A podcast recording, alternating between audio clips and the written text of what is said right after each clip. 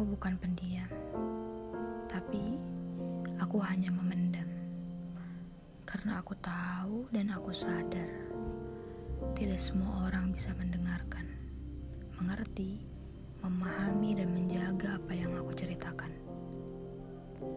Aku sangat cerewet, cerewet kepada orang yang bisa mendengarkan, orang yang bisa mengerti, memahami, sampai titik ini. Aku juga sangat cerewet kepada orang yang selalu menjaga rahasiaku, menjaga ceritaku, juga menjaga keburukanku. Mereka yang seperti itu hanya sedikit di dalam hidupku. Aku suka memendam karena aku sudah banyak merasakan sakitnya kekecewaan. Kecewa karena tidak didengarkan, kecewa karena tidak dihargai, kecewa karena ternyata dirinya hanya ingin tahu, tidak benar-benar peduli.